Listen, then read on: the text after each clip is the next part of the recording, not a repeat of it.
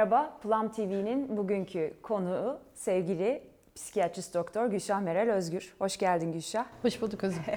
Gülşah bizim için çok kıymetli. Plum TV'nin ilk söyleşisini çektiğimiz kişi. Ee, sevgili Haluk Özbay'ın genç meslektaşı. Ara sıra kulaklarında çınlatıyoruz. Seninle olmak çok güzel. Bir buçuk sene sonra fiziksel olarak aynı ortamda olmak muhteşem. Daha da önemlisi. Evet. Benim için de öyle. Pandemi yüzünden çok fazla e, öyle bir imkanımız olamamıştı. Evet. E, ama hem o pandemi dönemindeki boş vakitleri doldurduk birlikte. E, Birçok insana da faydalı olabildiğimizi düşünüyorum. Ben de aynen. Sayenizde efendim çok teşekkür ediyoruz. Bize inandığınız zamanında bugünleri de gördük. Bakalım daha neler göreceğiz. Şimdi sevgili seyircilerimiz, e, bugünkü konumuz cinsellik. Biz Gülşah'la cinselliği çok daha kapsamlı olarak işledik. Ancak biliyoruz ki e, öğrenmek zaman alan bir şey. O yüzden kavramların üzerinden bir daha geçme ihtiyacı hissettim ben. E, Gülşah nedir cinsellik? Cinsellik kişinin cinsel haz ve keyif duymak için yaptığı bütün eylemler aslında. Ee, yanlış inanışta olduğu gibi sadece cinsel birleşme değil, sadece seks değil, iki insanın işte soyunup e, çıplakken yaşadığı bir şey değil. Cinsellik aynı zamanda öpmektir, öpüşmektir, sarılmaktır, dokunmaktır, hepsidir. Ee, ama hani seksle biraz daha işte karıştırılır. Ee, seks ise daha çok hani hem sevişmenin hem cinsel birleşmenin e, içinde olduğu bir eylem. Ee, cinsellik cinsel birleşmeden ibaret değil. Evet. Hatta bu söyleşimizin üstüne ben bir post çıkarken şey yazmıştım. Bazen hani birinin gözlerinin içine bakıp bir şeyler hissetmek cinsellik veya onun içinde yarattığı duygu da aslında cinsellik değil mi? Evet, evet. Tanımadığımız birine karşı da bunu hissedebiliriz aslında. Tabii bir gün ki. bir yerde otururken biriyle göz göze gelebiliriz veya biri e, bazı duygular uyandırabilir bizde. E, bu kavramlar tabii çok karıştırılıyor. Seks dediğimiz zaman senin de dediğin gibi aslında seks, dokunmayı, yani bunun fiziksel kısmını içeren tüm eylemler herhalde değil mi seks? Ee, cinsel birleşmenin de içinde olduğu Oldu. diyebiliriz. Ee, bir hani cinsel eylem. Evet. Ee, ama dediğim gibi cinsellik hepsi. Ana bir başlık. Hatta Anladım. cinsellik ana bir başlık.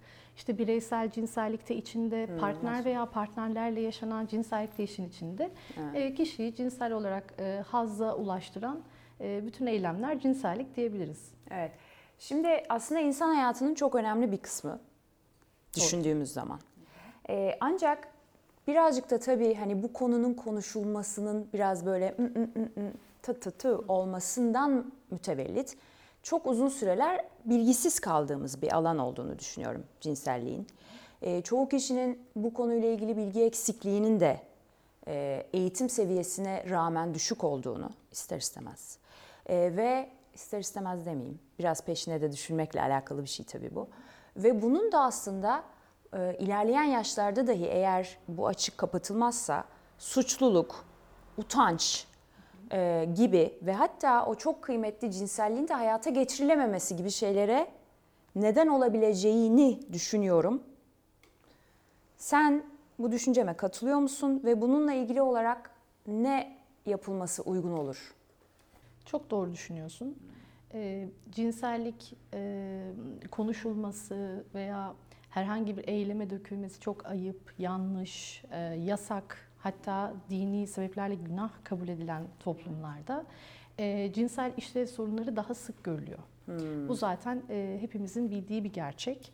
E, özellikle vajinismus gibi e, kadın cinselliğinde e, cinsel birleşme denendiğinde istemsiz bir şekilde vajina girişindeki kasların kasılması olan e, tablonun o yüzden daha fazla bu tarz toplumlarda görüldüğünü de biliyoruz. E, cinsellikle ilgili eğitim çok önemli o yüzden. En küçük yaşlardan itibaren çocuk özellikle merak ettiğinde ona yaşına uygun bir şekilde cinselliği anlatmak gerekiyor. E, ve dediğim gibi yok saymak değil. Çünkü yapılan en büyük yanlışlardan biri sanki çocuklara cinselliği anlatırsak, onlarla cinselliği konuşursak e, çok daha fazla cinsel eylemlerde bulunurlar. Bundan korktuğu için sanki hiç cinsellik yokmuş gibi davranıyorlar, cinsellik hiç yokmuş gibi bir tavır takınılıyor. Sanki o anne baba hiç e, sevişmiyormuş gibi, hiç cinsellik yaşamıyormuş gibi bir e, tablo var evin içerisinde.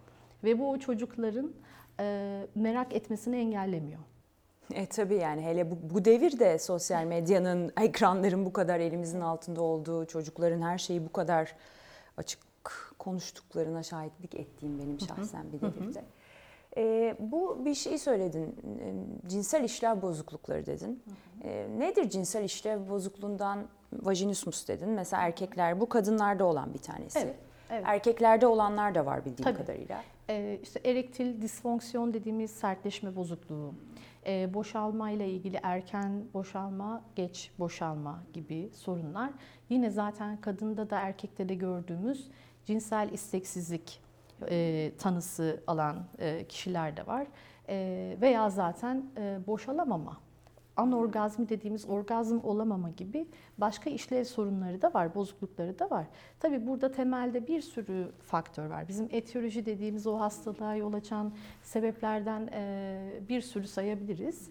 Burada organik sebepler de var çünkü. İşte kalp hastalıkları, tansiyon problemleri, kronik kullanılan ilaçlar, şeker hastalığı ve benzeri.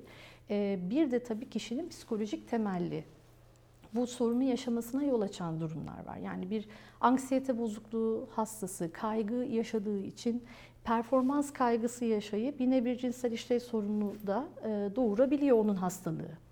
E, veya depresyondaki bir hasta nasıl hayattaki diğer bütün eylemlere karşı isteksizlik duyuyorsa cinsellikle ilgili de isteksizlik duyuyor. Hatta bu yüzden bazı gelen çiftlerde e, cinsel terapiye gelmiş oluyorlar ama ben bir bakıyorum ki diğer taraf aslında depresyonda. Depresyonda olduğu için e, yaşamak istemiyor hiçbir şey zaten. Yani e, evden bazen dışarı çıkmak istemeyen biri cinselliğe karşı da tabii ki istek duymuyor. Ama eş bunun farkında olmayabiliyor, buna yormayabiliyor. Zaten bir işlev sorunu varsa bir partnerde karşı taraf hemen diyor ki kesin beni artık e, sevmiyor, arzulamıyor, e, başka biri var. E, ben artık yeterince güzel değil miyim veya yakışıklı değil miyim? Tam tersi de geçerli. E, o yüzden orada biraz durumu konuşabilir olmak e, gerekliliği doğuyor. Çünkü konuşmuyorlar. O kadar mahrem bir e, paylaşımı olan çiftler kendi arasında bu durumla ilgili hiç konuşmuyorlar. Yani orada da tabu gibi oluyor. Orada da tabu gibi oluyor. E, bu Sue Johnson diye bir kadın var. Belki sen biliyorsundur. Hem attachment üzerine, bağlanma teorileri üzerine hem de bu çiftler üzerine çok yazan bir kadın. Bir kitabını okuyordum. Orada şey demiş diyor. Aklımda kalanı söyleyeceğim. Çiftlerin diyor hani biz deriz ki bazı şeyler konuşulmasın veya bazı şeyleri söylemeyelim. Romantik ilişkilere gelindiğinde e, konuşmamak kadar hani in, kötü gelebilecek kötü bir tavsiye yoktur diyor. Yani konuşacaksınız neyse o. Yani onun usulü tabii ki çok önemli ve evet. bence ben her zaman biliyorsun Plum'da bunun e, söylemini yani dile getiriyorum. İnsan bilmediği bir alanda, bilgisiz olduğu bir alanda hep daha çok bildiğini zannediyor. Mesela bir sürü akıldan geçen şeyden bahsettin. Zannetmekten. Beni sevmiyor, beni istemiyor, başkası var. Bunların hepsi engel olamayacağımız düşünceler. Bunlar gelir. Ancak bunların gerçekle bir bağlantısı olmadığını bilmek ve hani böyle bir şey olduğunda bir uzmana gitmek ne kadar aslında özgürleştirici, hayata bir şans verme e, durumu diye düşünüyorum ben hep. O yüzden de hep vurgulamak istiyorum. Yani bir yerimize bir şey olduğunda nasıl onun uzmanına gidiyorsak lütfen hani bu tip şeylerde de yokmuş gibi yapmayalım. Yani yazık hayat geçiyor çünkü diye düşünüyorum ben hep. Evet. E, o yüzden de işte bu e, zannetmenin üzerine bizim de çok tavsiye ettiğimiz bir şey var. Zihin okumayın. Evet. Yani bizim öyle bir süper şey yeteneğimiz şey yok. Hayır yani durdurmak evet. çok zor. Zihin hakikaten vahşi bir şey. Ama bunu işte söyleye söyleye söyleye kendimize yavaş yavaş aklımızdan geçenlerin gerçekle bir bağlantısı olmadığını, gerçeği bilemeyeceğimizi içimize sindirmemiz iyi olacak diye düşünüyorum. Ee, işte bu uzmana hı. gitmeyle ilgili de e, benim çok fazla tespit ettiğim bir şey var ki insanlar zaten e, cinsel işlev sorunlarının cinsel terapiyle düzelebileceğine dair çoğunlukla bilgiye sahip değiller. Yani bir cinsel işlev sorunu yaşadıkları zaman direkt o organın doktoru kimse ona gidiyorlar. Bu yanlış demiyorum. Tabii ki zaten organik bir patoloji dediğimiz işte o organa dair herhangi bir anatomik veya işte fizyolojik sorun var mı yok mu bakılmalı. Ama biz e, daha önceki sohbetlerimizde de hep ne diyorduk? En önemli cinsel organımız beynimiz.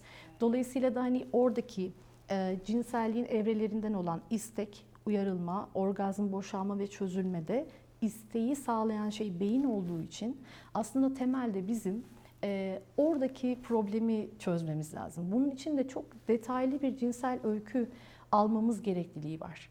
Biz bir e, öykü alırken en baştan başlıyoruz. Yani çocukluktaki cinsel oyunlardan, sonrasındaki e, ilk mastürbasyondan veya cinsellikle ilgili öğretilen, söylenen her şeyi konuşarak o mit dediğimiz doğru bilinen yanlışlar cinsellikle ilgili e, bunların hepsinin üzerinde duruyoruz ve onu öyküyü alırken değiştirerek ilerliyoruz zaten. Örneğin mastürbasyon hiç yaptın mı? İlk defa kaç yaşında yaptın? Yok hiç yapmadım. E zaten evliyim artık hocam dediğinde ben diyorum ki hayır evlilik mastürbasyon yapmaya engel bir durum değildir.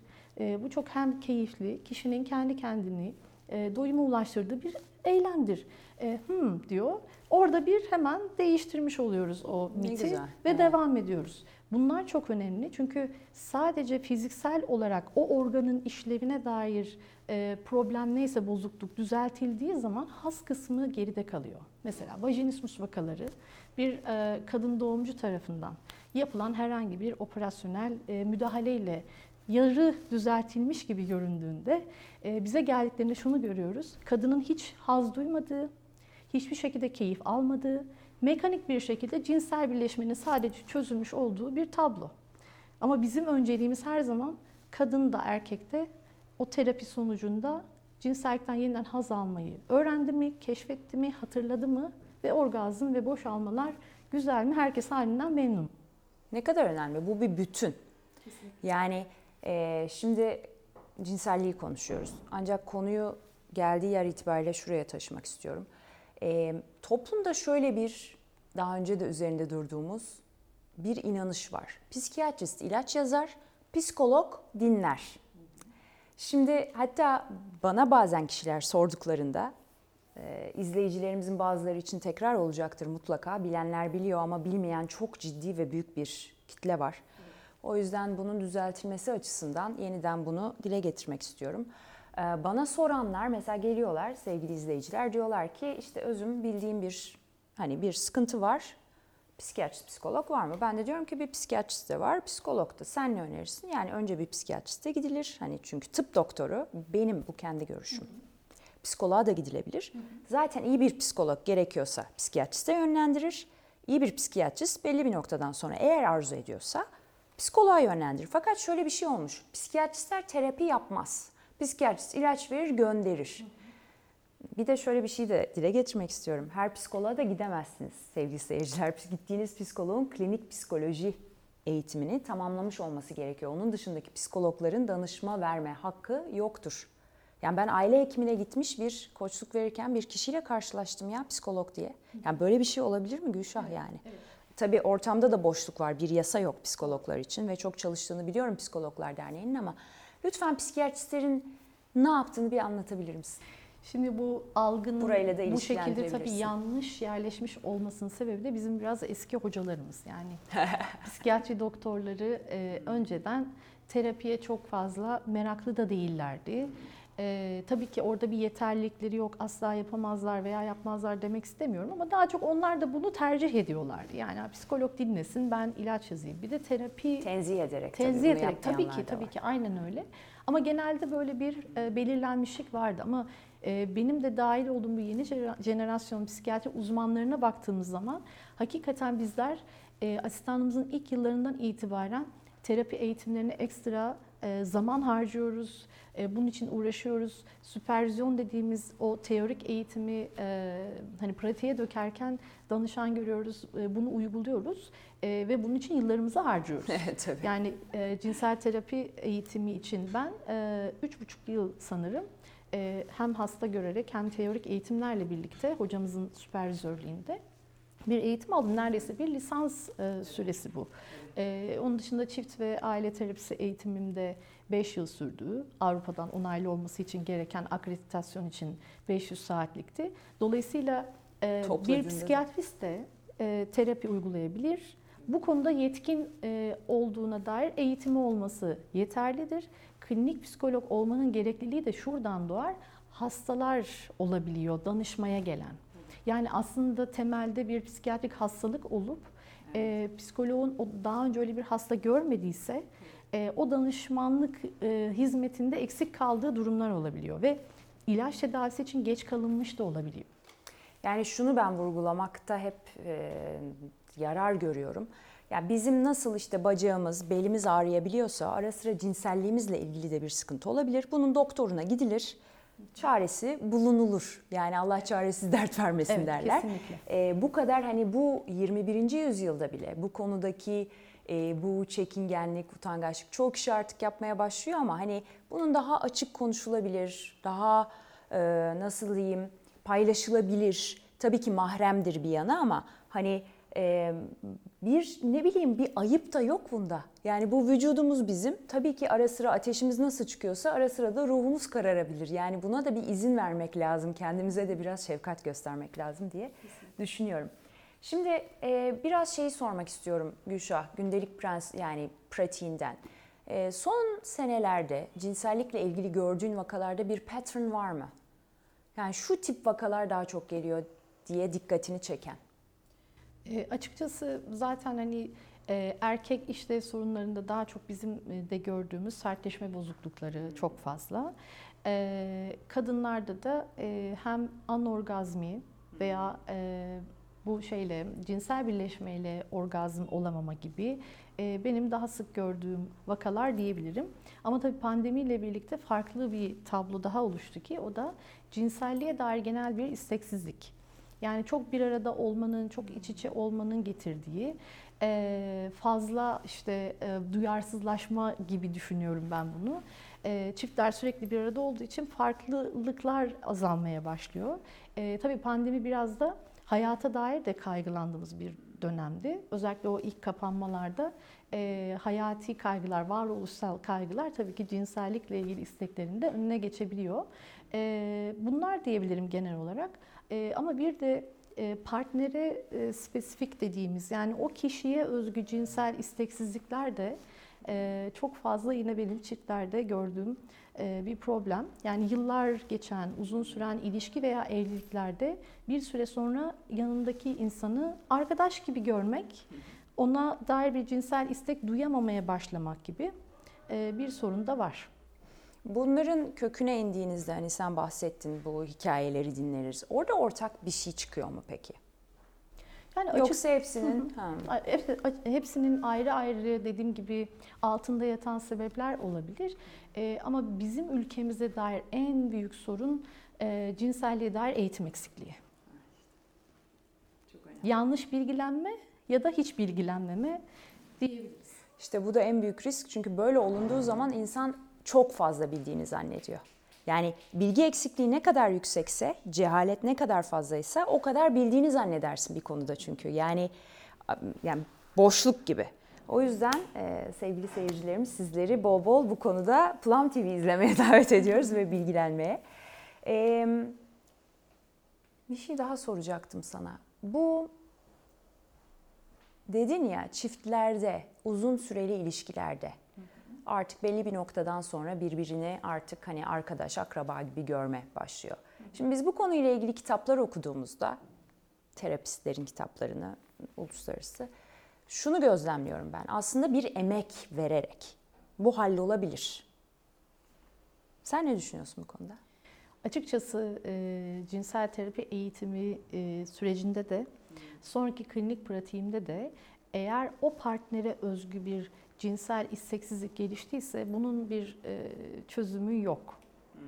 Yani herhangi bir terapi müdahalesiyle zaten ilaç tedavisi mümkün değil ama e, genelde o duyguyu yeniden o insana aşılayacak veya o duyguyu o insana yaratacak, isteği yaratacak bir şey e, çok fazla yok. Bununla uğraşan e, Amerika'da bazı seks terapistleri var.